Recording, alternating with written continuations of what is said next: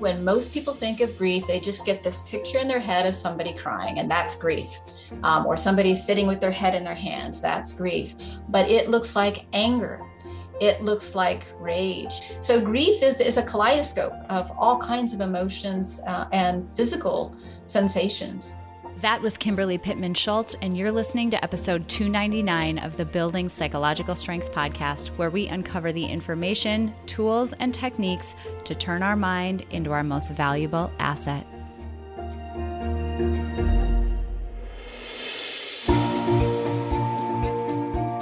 The courage to face fears with persistence. Being able to be present enough in this moment to choose my response thoughtfully. We have the strength to bend to life stressors, to bend to adversity without snapping, without breaking. There are only six things that contribute to our quality of life, and they are all experiences. In every moment, we are deciding who we want to be and how we want to live our lives. Noticing what your brain is doing and then being able to make choices mobilize the things that we know lift us up. Fear is not logical, it's primal. Hey everyone, welcome back to the Building Psychological Strength podcast. My name is April and I'm your host. If you've been a listener of mine for a while, you know that one of the most formative experiences I've ever had in my life was the loss of my dad when I was younger. My dad was diagnosed with colon cancer when I was very young. He spent five years fighting, trying every treatment we could get our hands on. And ultimately, when I was 11 years old, my dad lost his fight with cancer and passed away. That experience was exactly what you would expect it to be in the beginning. There was incredible grief. My family spent so many years recreating what a new normal would be with this life without my dad in it. It was incredibly difficult, one of the most difficult times in my life. But as I look back, much of the work that I do today, and in particular, my zest and passion for the field of life design came out of my dad's death. I was in graduate school and I realized that there were all of these things that I wasn't doing because I was afraid I was afraid that I wouldn't do them perfectly. I was afraid that other people would judge me. And you know, on the outside, I looked like I was doing everything right, yet I had this huge list of things that I wasn't doing simply out of fear. And my life, my dad's death became meaningful to me in one moment when I asked myself, what would my dad give to have the opportunities that I'm wasting right now? It was my ability to use mortality in that moment to snap myself back into reality and reprioritize the way that I was thinking about the importance of fear and the importance of other people's judgment and of perfection versus the importance of living life to the fullest. My dad's death became incredibly meaningful and it became a catalyst for so much of the work that I did after that point. Today, we're going to be talking about the topic of grief. It's not one that I've covered on the podcast, which, given my experience with my dad passing away, you would think this is something we would have talked about by now, but we haven't. And because of that, it's incredibly important for you to stick around for this episode. Like it or not, we don't love thinking about our own mortality, and we don't love thinking about the mortality of those loved ones around us. But the fact of the matter is, we do. We are mortal beings. We only have so much time on this planet. And at the end of it, each of us will die. In our lifetime, many people who are close to us, family members, friends, colleagues, they'll die. And our ability to move through grief, experience grief, and do so in a way that allows us to move forward maybe not move on, but move forward, is important. It's an experience that we are all going to have. And that's why I am so excited to welcome this week's guest. Her name is Kimberly Pittman Schultz. She is an award winning poet and author who writes, teaches, and speaks about death and loss, living mindfully, and being a force for change in the world. She has more than 25 years as a philanthropy leader and a charitable and end of life planning advisor. Uh, Kimberly's worked with an inc- incredibly diverse group of people looking for meaning after the loss of a spouse, a partner, a child, a sibling, a parent, a grandparent, or even a beloved animal in their lives. Her focus is helping people cultivate joy every day so that they can more deeply experience the meaning and the beauty of their one and only lives. With that introduction and that biography, you can see why I was so excited to have Kimberly on this episode.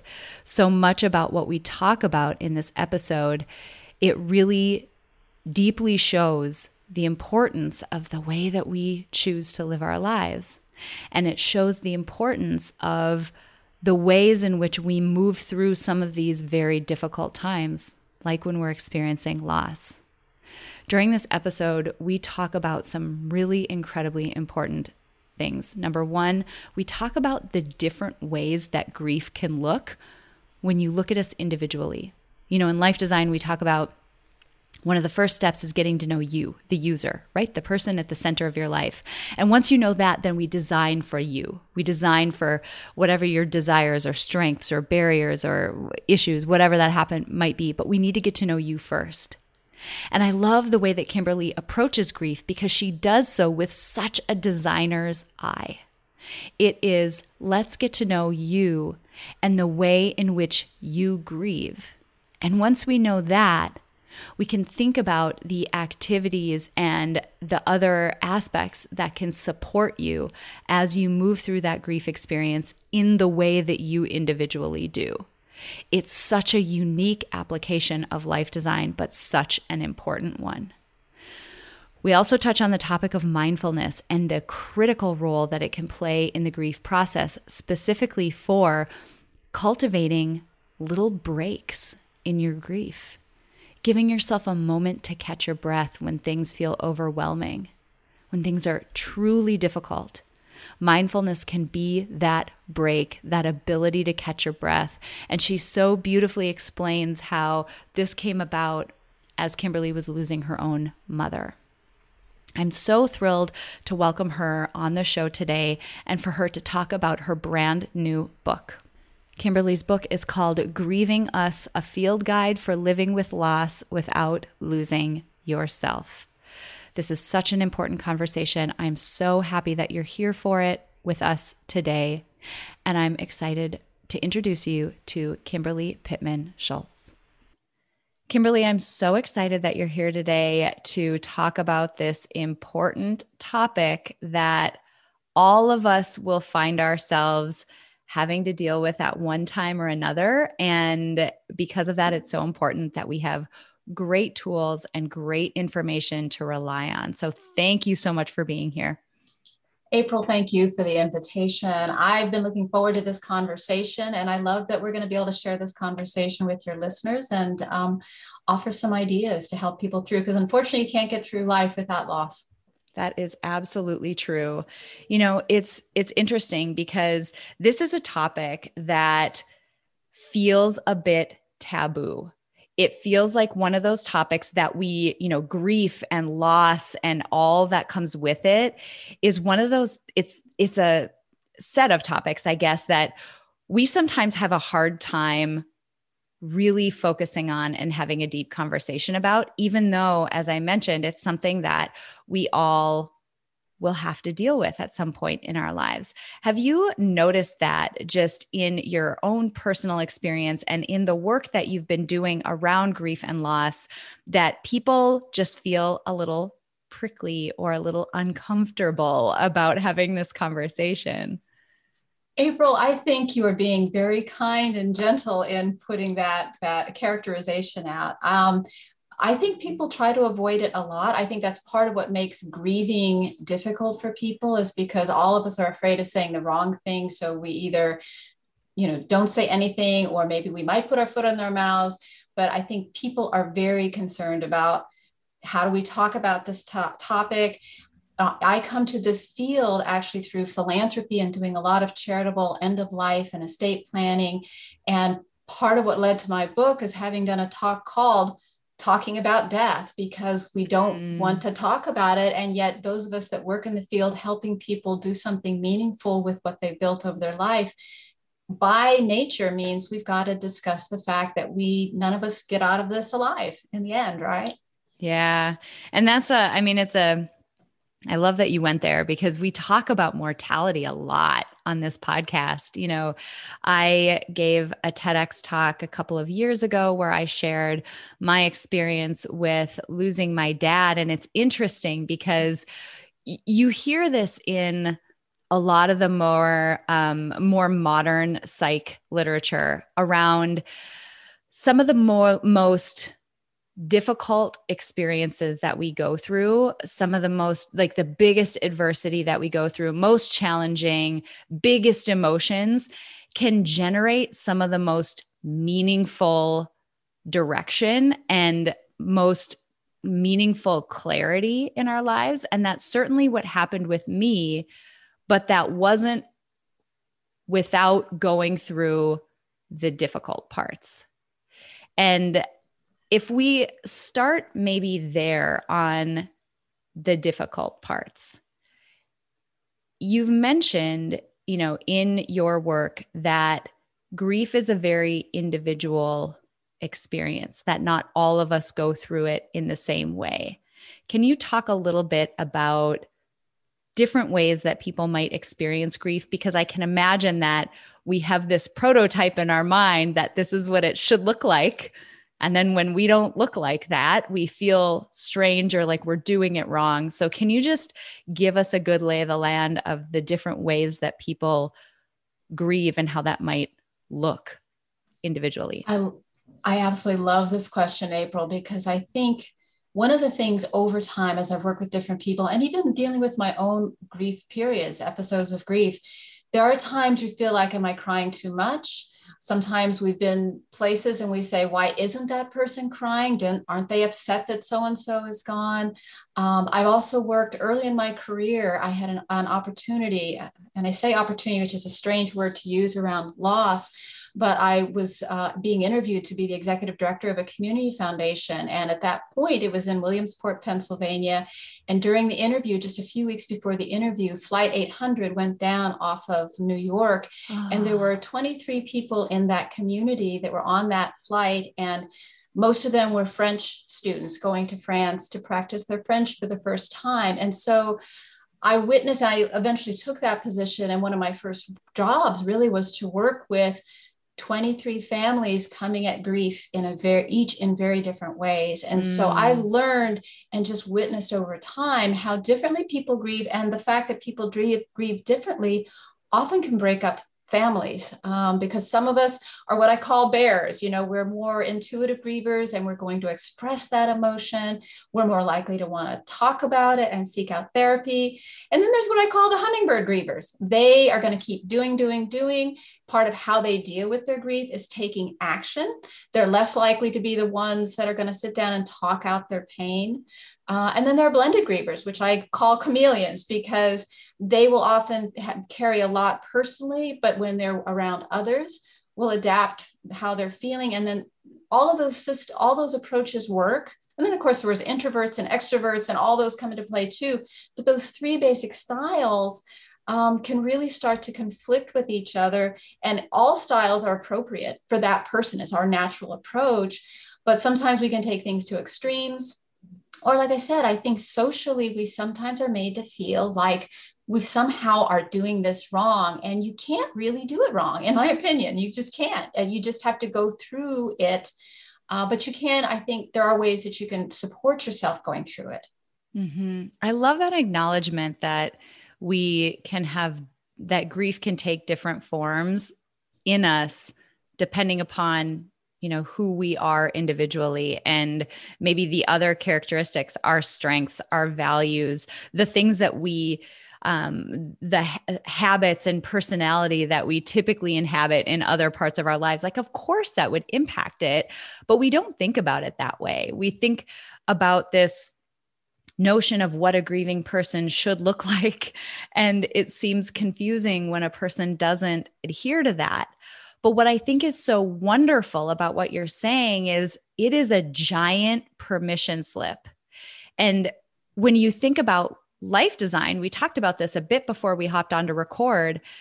When you think about life design, it's a weird application of it or an, an uncommon application of it, but an important one because life design says, let's think about the core user. Who's the one user here? And it's you.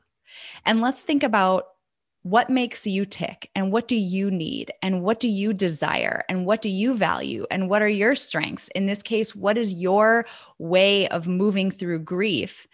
And we make decisions from that starting point. And so I can imagine, and I'd love for you to talk a little bit about what that grieving process might look like in terms of how we might support ourselves or how we might support someone else if they were someone who fell into each of those three buckets because that's life design at its core, right? Get to know the person and then design around them. So, how do we design that support plan around someone who's grieving depending upon the type of grief they're experiencing? It's a great question. And it's a great way to look at it because I don't think people often realize you will, if you lost someone that was very close to you, that was a part of your life that you uh, you know, it was emotionally, physically, your routine and habits of those days, and you've lost that very important person. Or it may, for some people, it's an animal. It's a companion animal, can be very, very deep loss for people. You are, you know, you need to find your way back into a life, but the reality is it's going to be a different life because the person that you loved or the animal you loved is no longer a physical presence. So the question is always, how do I hold on to that person? You know, most people don't want to leave them behind. It's not about forget, move on. It's moving forward. Time is moving forward. You have no choice but to move forward because time only goes one direction. So when I think about those three areas, you know, if you're that more intuitive, what I call bearish grievers, because often you want to just go in a cave and hibernate. Um, I think for those individuals, what comes natural is expressing emotion. And so if they mm. are around friends and family that feel uncomfortable witnessing emotion, um, then people will kind of close up and people need people that grieve in that way need to feel supported. And so, you know, I know myself, I found some of the best support uh, for for when you do need to be real candid and real raw may not be the people immediately closest to you because they're mm. so worried mm. about you. It may be joining a group of others on a similar journey that are going to better understand and be able to to handle because there's not a tied into you and that's something people don't always think about they get upset that their friends and family can't support them but there are other people out there going on a similar journey who can so that's certainly one element of that before we go on actually i want to i want to push into that even further it's interesting because sometimes I, i'm going to keep going back to life design because it is it's really applicable here sometimes in life design a core premise of it is reframing the question that we're asking or reframing the way that we're thinking about what our next step might be. So I'm finding myself in a place of grief. I'm finding myself with these big emotions that I want to express. Our inclination might be I need to talk to my best friend. I need to talk to my mom, my spouse, my whatever. And that's one way of framing that next step is who are the people who are closest to me? Let me reach out to them. But what you're suggesting is a reframe of that. What is it that I need? And who are the right people who can give me what I need? You know, you think about there's the age old um, situation in in you know close romantic relationships where maybe your partner isn't as emotionally expressive and they might not be the right person for you to go to to fulfill that need. But i love this because what you're explaining here is an important reframe that can help people actually get the support the type of support they need because they're thinking about it from a standpoint of who's the appropriate who's the right person or who fits with this type of need that i have. I think that's brilliant. And i got to say bingo because that is exactly you know how it how i've come to understand it myself. And i mean i don't come from the same kind of background you have where i've been able to study. I've just sort of come through intuition and just witnessing a lot of people going through pain and what mm. has worked for them and what hasn't worked through them. And then things that have worked for me that i've shared with people and to watch what helps and what doesn't. And there's no one technique or, or tactic that works for everybody, but taking that time to, as you say, reframe the question in terms of what do I really need to get through this time? And it may not always be the obvious people around you. It may be, it may be your spouse, it may be your best friend, mm-hmm. but it may be, you know, I, I see the same thing with, you know, like especially with children who are grieving. I lost two sisters when I was a toddler. I mean, that's a big part of what has shaped my life around loss and my mother could never talk about it. We weren't to talk about it. I had no one to talk about that with. Um, so it becomes other people in your environment that aren't your family. It's not your mom and dad because you can't talk about it and they can't they can't handle it for whatever reason.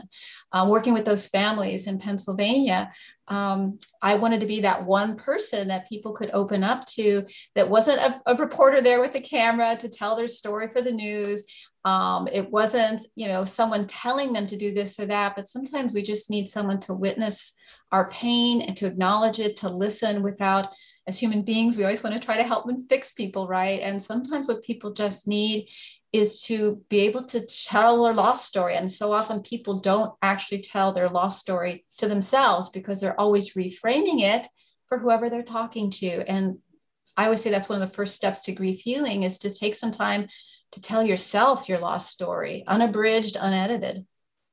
That's so incredible. We, um, I, am working through scheduling episodes. So forgive me if you're listening to this, if this episode comes after this one or immediately before, before it. Right around this time that we're recording, um, I actually shared a not situation of loss by any means, but a sort of crisis situation that I found myself in around my health. I, um, the abridged version of it is that I found myself in a situation where I, I truly thought I was having a heart attack, truly believed that that was the case. Uh, told my kids that I love them, was scared that I was not going to see them again, that type of thing. What was what hit me about what you said, and I don't think I'll ever be able to say that sentence without crying. I really don't think I ever will be able to because it ended up being such a pivotal moment for me. But what I found myself feeling compelled to do after that situation, and why one of the reasons why I wanted to record an episode about it is that I felt compelled to process what happened. It was on a different level than the emotion. The emotion needed to be experienced as well but there was something of a sorting out and processing the events of what had happened that I kept feeling this urge to like do with people. And I can now putting this together with what you just said, I can imagine that that's such a key part to grief, like the processing of and just almost organizing your thoughts and organizing your memories about what happened so that it doesn't feel so cluttered in there. I can imagine that that's such an important step in the grief process. Oh well as you as you have found already you know i mean that's a that's a scary thing what happened to you and to not know and you're you know early in life still and you know that's got to be incredibly scary. And then being a mom you're trying to probably also shield your children and not worry them too much.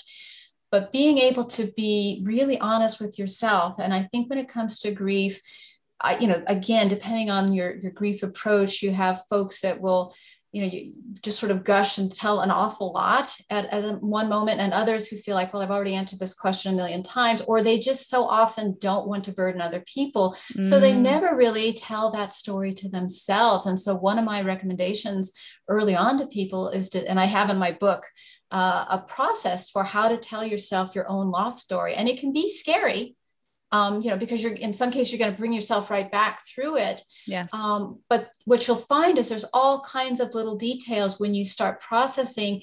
you'll be surprised what your mind picks up. You know, you, what your mind, what what goes into that memory, and once you have told yourself that story, and you don't do it once, you're going to reach. I mean, I, I I truly believe that loss. I I like to say loss comes along, and then loss comes along with you for life. Grief, however, I don't think is always or forever. We need to go through it, but there'll be times in your life where that that's going to pop back up and it'll be a lot in the early days weeks years but you i've worked with people in their 90s who start talking about something that happened to them when they were eight years old and it's as if they're experiencing it mm. now um, so telling that loss story is way we begin to incorporate it i think into what's going to be the new life right that you're going to design that you're going to have to design because this wonderful person or beloved other um, you need to carry them with you in a very different way yeah, I love that. I love that so much. I'd love for you to talk a little bit about uh, the concept of mindfulness. This plays such an important role in the grief process and the way that you describe it, and how mindfulness can be a really effective tool as we're moving through grief. Can you talk about that a little bit? I'd love to, because I do believe that being mindful, mindfulness are really important tools.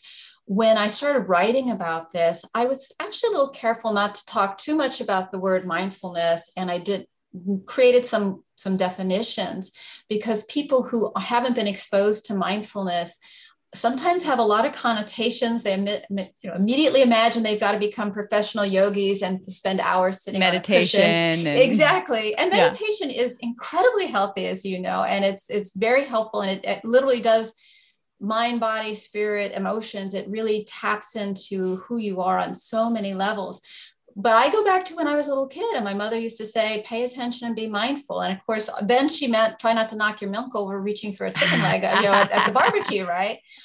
But it, guilty but have said really, that to me. Yeah, exactly. But it's really, it's really the same thing to me. It is about paying attention. And so for me, when I to put some context around mindfulness, to me, it's about we always have things going on in our mind, but when you are mindful, it really is about focusing on one thing. And there may be other things swirling around in your mind, but um, the way I like to say is think about being in a restaurant, right? And let's say you're there with your sweetheart you can have people talking all around you. The server might drop spaghetti. You might hear forks clinking. But when your beloved is talking to you, you are just what the only voice you hear is that person's voice, right?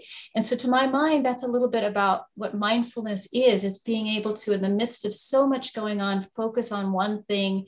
And I think when you're grieving, it doesn't even have to be that you're focusing on it with intent for it to do anything for you, but by simply focusing, you're really creating a break in grief and in breaking some of those grief thought patterns. Um, and the way I came to this is I had been in deep grief for over two years after the death of my mother. And two weeks before my mother died, my friend and neighbor committed suicide under the tree outside my kitchen window. Mm. And there's a whole story about that. But so they're linked together. So I had this kind of double loss. And I had a complicated relationship with my mother. So I really struggled for the better part of two years. And then um, we had moved uh, at that point to Southwest Washington, and we were on the East Fork of the Lewis River. And I remember one night, every night when I go to bed, I would lock all the doors, check all the doors. And one night before I was locking the doors, I decided to just walk out to the river. And I walked out to the river and I just stood there and I listened. I listened to the sound of the water going over the rocks. Sometimes, if you listen, if you've had this experience, um, any of your listeners, the water flowing will almost sound like voices in the distance. You think you hear people talking, but it's actually really just the sound of the water water maybe talking with the rocks is the best way to explain it. Mm. You could hear birds shuffling in the trees above.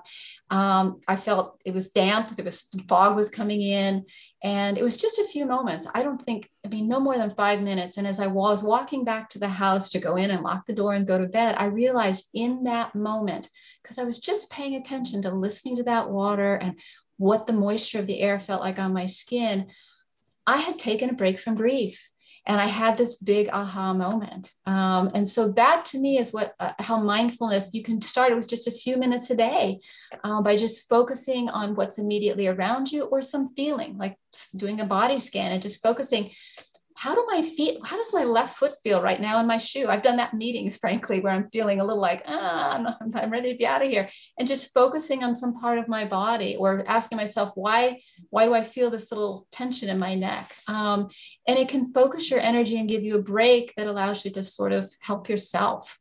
Mm-hmm. I love that. I love it as a, a, the way that you characterize it as taking a break from grief because it um, when you go to the most fundamental of what mindfulness does, right? Our minds themselves are separate from us. From and by us I mean our ability to just notice. Our ability just the fact that we are conscious. Our mind is a separate entity than that. And I if write to me people listening to this if you want a whole slew of resources on it that is a whole episode for a different day. But because there's that separate nature to it, and you can prove this by if you've ever tried to meditate and you found yourself you're through your best of intentions, right? I'm gonna, I'm gonna focus on my breath. Here I go. I'm focusing on my breath, and you find yourself lost in thought. The fact that you couldn't control that thought means it's separate from you. If it was the same as you, you'd be able to control it, but you can't. And when you extend the word thought as broadly as it should be, this means the running thought commentary that goes through your mind when you are experiencing grief. Things like, you know, for me in those experiences, I can't believe I'm never going to see them again. Or I wish I could have just one more. Or this is so difficult. How will I ever whatever it is without this person. That running sort of cycle of thoughts, mindfulness can help you get a little bit of distance from that cycle of thoughts. We can't ever shut it off. There's no way for us to just not have thoughts. You have to get rid of your mind to do that. But the distance that mindfulness can cultivate helps you have a better relationship with it. And it strengthens the more often you do it. So I can imagine going back to that river over and over again. What you're doing is training your mind. It's okay. You can have those thoughts, those thoughts can be there, but I can also have a place in this moment. I also have a seat at this table along with the running thought commentary. I'm allowed to have space in this equation. And I think that's such a cool way to think about grief that you can step outside of it for just a moment using those small mindfulness techniques.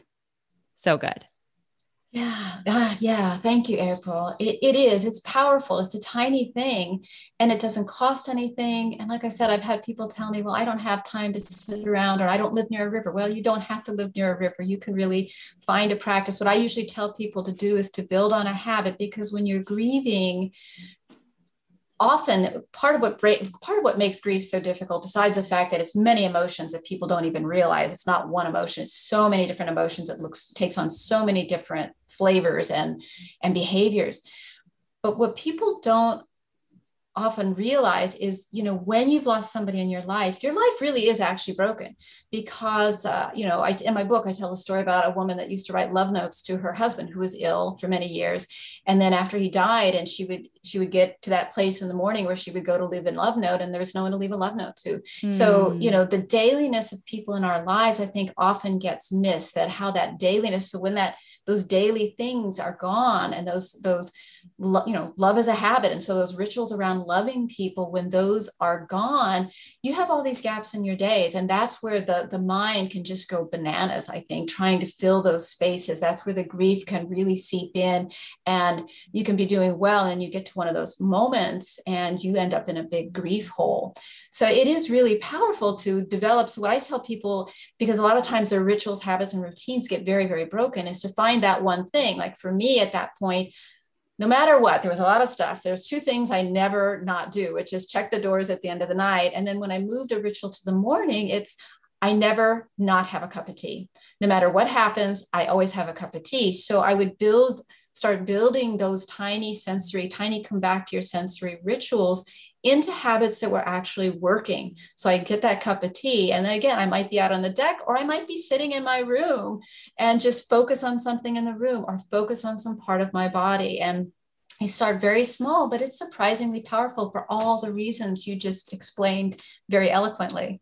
I love it. You said something that I want to dive into uh, in that the set of emotions that is grief can you drill in there a little bit? Because this is something that I think is exceedingly important in this topic for sure, but across people's lives for them to understand is the the mixture and complexity that is our emotional profile. Can you talk about what you meant by that set of emotions? I'd love to talk about it because I think when most people think of grief, they just get this picture in their head of somebody crying, and that's grief. Um, or somebody sitting with their head in their hands, that's grief. But it looks like anger. It looks like rage. It looks like um, anxiety is a big one because when we lose people in our lives, I always say there's three deaths whenever there's one death because we not only lose the person, we are reminded of our own mortality and so we can mm-hmm. begin to feel the uncertainty about our own lives. And then we lose the relationship which is like a third being that, that existed between us and that person. It no longer exists. So so there's also great feelings of anxiety. Um, there's all kinds of physiological behaviors that happen. People develop autoimmune issues. Um, people develop some chronic pains. Um, there's plenty of data out there about after the loss of somebody and, and not being able to use grief to leverage you toward a better, uh, healthier life of well being, leading to all kinds of disease elements uh, physically and mentally. So, so there's a wide range of, of emotions. And like I said, for some people, maybe crying. For some people, they may just want to stay so busy thinking they're going to push that grief away. They're going to outwork that grief that, you know, burnout becomes a grief mm. emotion. So it's really a kaleidoscope, um, so, uh, feeling a lack, lack of self-consciousness. I was just talking to well, actually through email conversation with a woman who lost her husband. They've been married over 50 years and her degree of a loss of self-confidence. She just because mm. you know part of her is now missing and part of that you know system that supported her in her life is missing. So grief is, is a kaleidoscope of all kinds of emotions uh, and physical sensations. I love that so much. And it's important to note because the, i'm going to use the analogy if, if you're a long time listener you've heard me say this but it's important in this context to just you know make it very obvious the analogy that i use often with emotions is uh, is one of paint so imagine you have a big bucket and you're going to pour paint into that bucket so you take a bunch of you know, blue paint, and that blue paint represents sadness, and you pour it into the bucket. And then you've got a bunch of green paint, and that green paint represents guilt, and you pour that green paint into the bucket and you stir it around. And then you take a bunch of red paint, and that red paint is your anger over what happened. And you pour that into the bucket. And you can see this going on yellow paint. You know, maybe there's some, um, I don't know, anxiety involved, as you mentioned. You pour that into the bucket and you stir it around. And when you look at the bucket, it's like sludge. It's just grayish brown. And it's difficult to understand it and to know what to do with it. And what I find helpful sometimes is for people to sit and think through, actually spend some time. I mean, carve out time and sit and think through what are all the emotions that I'm feeling? I feel like there's some sadness there. Pull the blue paint back out and look at the sadness for what it is. I'm sad because, and talk about why you might be sad pull the green paint back out, you know, pull the red paint back out. I'm angry because are there any other paint colors in there? Is there some happiness in there? Is there happiness and gratitude around having had the experiences that you did with that person? Pulling that and making an intentional effort to piece apart emotions that can get so muddy can help you see okay, one, let's be compassionate to ourselves because we're dealing with a lot of things right now. Any one of those emotions are hard. And when they're all mixed together, they're really difficult. But two, can we then once you're aware of what those emotions are, pay attention to how you're feeling moment to moment. Which one's coming forward stronger? Which one is fronting at this point? And how do I support myself? Because supporting yourself when you're angry might look different than supporting yourself when you are deeply sad or when you're feeling anxiety. So I love that you brought up it's such a important topic to keep in mind across the board in our lives, but particularly in this situation because we're dealing with a lot of complexity here. It is. And I don't think people often realize that grief looks like a lot of different things and things that they don't tie to grief. Um, and it doesn't, and it may not be just in the moment. I worked with, um, I had a donor, a philanthropic donor I worked with for a while who was an artist. And three years after her mother died, uh, there were a range of things going on in her life, but one of it is she found she could no longer sculpt uh, humans. That when she tried to sculpt a human form, she also sculpted other forms, but they would come out these very distorted. She just couldn't do it. Mm. And the long story short is, as we talk through it, a big part of it was some really some some new grief that she would say herself now she didn't really deal with but part of it was also things that she discovered because we think we know people.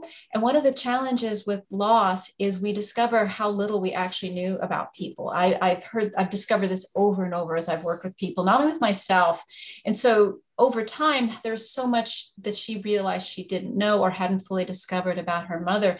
But that's what grief looked like for her. It looked like the inability to simply sculpt a human form mm. until she stopped. You you you've talked about in some of your uh, in your work about asking why, why, why. And, um, it, you know, sometimes you really do need to ask. And I encourage people to do the same thing.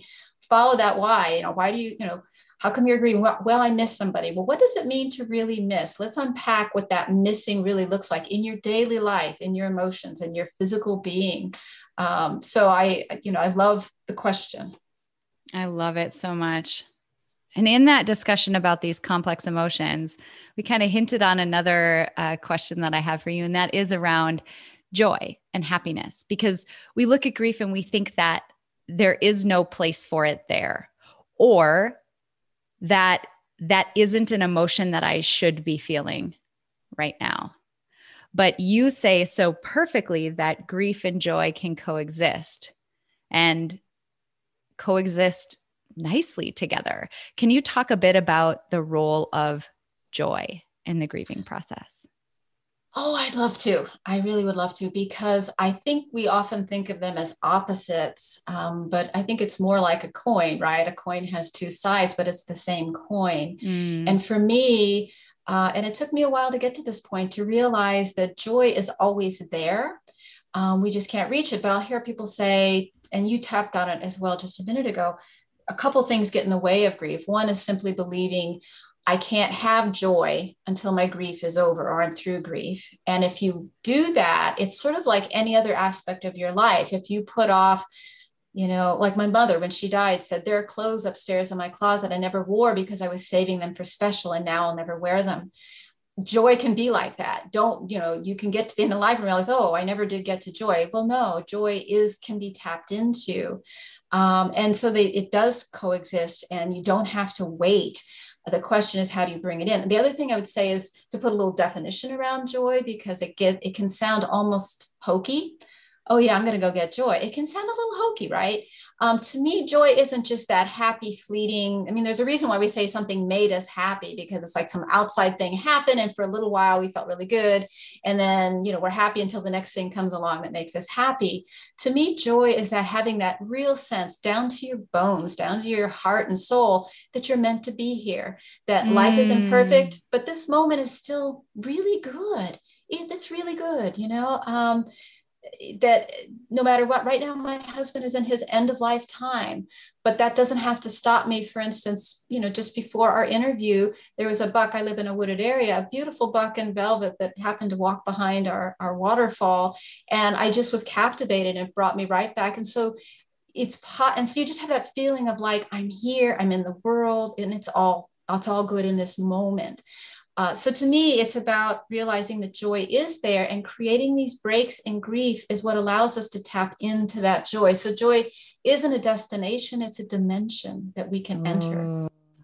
Joy isn't a destination, it's a dimension. I like that. Oh, I like that so much. The last question I have for you in this on this topic is around meaning. You know, I alluded to it a bit when I talked about losing my dad. That loss, it took years for this to happen, but ultimately there was incredible meaning that came out of that loss and what it ended up signifying for me and a passion that it ignited in me. And I'm curious about your thoughts on how we make meaning or find meaning in these times that are so difficult. Because again, there's a lot of literature around, you know, we've interviewed Steve Hayes, the founder of acceptance and commitment therapy in the past. And there's a big piece of that that talks about some of our most difficult, deepest, you know, biggest emotions hold information about what's truly important to us. And I'm curious about how you see the role of meaning coming out of the grief process. Well, I believe meaning is a superpower that we have. You know, when uh, when I was young, and you would say, "What's the difference between animals and humans?" and the answer is usually opposable thumbs. And yeah, opposable thumbs are really helpful, right? Um, but meaning is like the opposable thumbs of our mind and our and our brain, I think, because we do have the ability to create meaning. On one hand, you know, when you're in the depths of despair, you can feel like nothing matters. There is no meaning to life. And on the other hand, no matter what you believe happens after this life, the only thing we know about right now is this life and this moment and this body and you know being in this chair that i'm sitting in you know looking at a face on a screen a very lovely face on a screen um, you that's all you really have and so you you get to that's a beautiful thing. You get to decide what's meaningful. And when it comes to grief and loss that meaning can be everything from and i'm not saying i don't want to say this. I've had people say well you're trying to sell, tell me that someone died for a meaning. It's like no someone died because someone died. Yeah but what you do with that you can still create meaning. And that may be being an avatar for the person. I know like my mother had things she couldn't wear. Now we were totally different sizes. She was taller, she had long arms, but there's certain things that I literally wear for her that she did not get to wear, a certain necklace, for instance. Um, there's ways that, for instance, my sister and I both have a thing around dragonflies because my mother loved dragonflies. So when we see a dragonfly, we feel this connection to my mother. You know, I, I I've often kidded people about, you know, I can teach my cat certain words, but I don't, and I could teach my cat the word dragonfly to say dragonfly, and the cat knows what I'm referring to. But I could never teach that cat, my little kitten, to look at a dragonfly and think of her mother um, or any other symbol. So that ability to look at our lives and that meaning can be everything from little tiny things to this day when i cut a cucumber for a salad I rinsed the ends underwater. Does it do any good? Probably not. But it was something that was an important ritual to my mother. And when I do it, I feel her. She's here. Mm. And I've mm. given meaning to rubbing two ends of a cucumber underwater. But it can also be in the trajectory of your life. For me, writing a, this book, Grieving Us, um, in part was trying to make meaning out of the fact that my husband is coming to the end of his life. We are in the midst of a pandemic and a lot of people are struggling and suffering. There are things I've learned that I think I'd really like to be helpful. It may not be for everybody, but if I can help some people, that's what's meaningful to me is to really um, be able to support each of us on our own individual life journeys and offer and share what we each learn. So to me, that ability to make meaning and uh, and it's more than you know turning a sow's ear into a silk purse. It really is defining what values. And let's face it, there would be no grief if we didn't love. It's all love's fault that there's grief. So that in itself is meaning because we there is a degree to which we choose to love. We just feel it. Um, but we also choose. We choose. I mean, all of the people we love drive us crazy at times, right? But we choose to keep on loving them. We love them anyway. There's an innateness to it, but there's also a meaning that we place on that relationship and that person as a part of who we are as human beings. It sounds like that's a big part of psych strength to you. Oh my gosh, meaning making is huge. I think um, you have to, i think it's very hard to live to go on living uh, when i think about people i've known who have taken their own lives in pretty much every case, it's because they lost a sense of their life having meaning um, or feeling validated. Um, I would encourage people to try to be able to validate their own sense of meaning and not look for it from others. Uh, although, if that's important, there are ways to do that as well. That's a healthy thing to do. But I think without meaning, it's pretty hard to, you know, we're this little blue marble spinning around in a supposedly limitless university uh, universe uh, probably a university too, but a universe. uh, you know, that's as far as we know, there's dark matter and dark energy, which are sort of mysterious. What are those things? Um, I think without meaning, it's pretty hard to be truly human. I love that. You've mentioned your book a little bit. Tell us, uh, tell us a bit about your book, where we can find it, and where we can connect with you more online.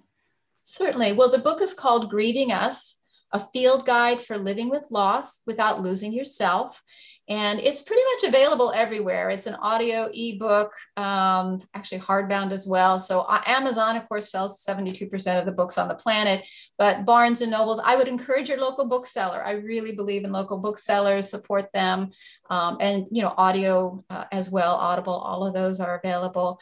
Um, and then I've also set up a landing page for your listeners on my website. So my website is poetowl.com. And if you just put a slash there, I've added a psychological strength. And so there's a place that people can go there, um, see the podcast cover so they know they're in the right place. And there are resources there, um, you know, the you, uh, direct link to the book and all of that. That's amazing. I'll make sure that we have that link in the show notes. So if you're listening to this, you should be able to just swipe up on your uh, device, whatever you're listening to it on, click directly on that link and get taken directly to that landing page. Kimberly, this has been incredible. It's not an easy topic to talk about. It's not an easy experience to go through. I feel so much for the experience that you're in right now and moving through it, yet you are providing so much meaning and value to other people that benefits us all because we all go through uh, this experience more than once in our lives. So I appreciate so much your compassion and the way, the clarity, and the way in which you uh, help us understand this very difficult topic. So thank you so much for being with us. Thank you so much, April. I really have enjoyed the conversation. I wish we were in the same room sharing a cup of tea. Thank you. I agree. I agree. It's a simple fact that nearly everyone in the world could benefit from building psychological strength, but not everyone will put in the time and effort to do so. But today you did. Thank you so much for listening to this episode of Building Psychological Strength. Now, if you're interested in building the mental toughness, confidence, and resilience you need to thrive through life's ups and downs, visit us at www.peakmindpsychology.com. Also, if there's someone in your life who could benefit from this episode, please share it with them. And if you yourself found this episode valuable, meaning if you took away even one insight that you can use to build psychological strength in your own life, we would so appreciate it if you would drop us a rating and a review on iTunes. The thing is, the more ratings and reviews we have, the easier it is to get this powerful and important content out to the people who need to hear it.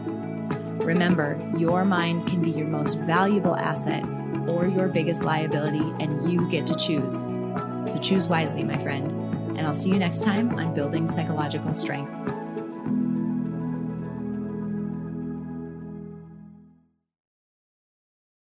At Parker, our purpose is simple. We want to make the world a better place by working more efficiently, by using more sustainable practices, by developing better technologies. We keep moving forward with each new idea, innovation, and partnership, we're one step closer to fulfilling our purpose every single day. To find out more, visit parker.com/purpose. Parker, engineering your success. Everybody in your crew identifies as either Big Mac burger, McNuggets, or McCrispy sandwich, but you're the Filet-O-Fish sandwich all day that crispy fish, that savory tartar sauce, that melty cheese, that pillowy bun. Yeah, you get it every time. And if you love the Filet-O-Fish, right now you can catch two of the classics you love for just $6. Limited time only. Price and participation may vary. Cannot be combined with any other offer. Single item at regular price. Ba da ba ba ba.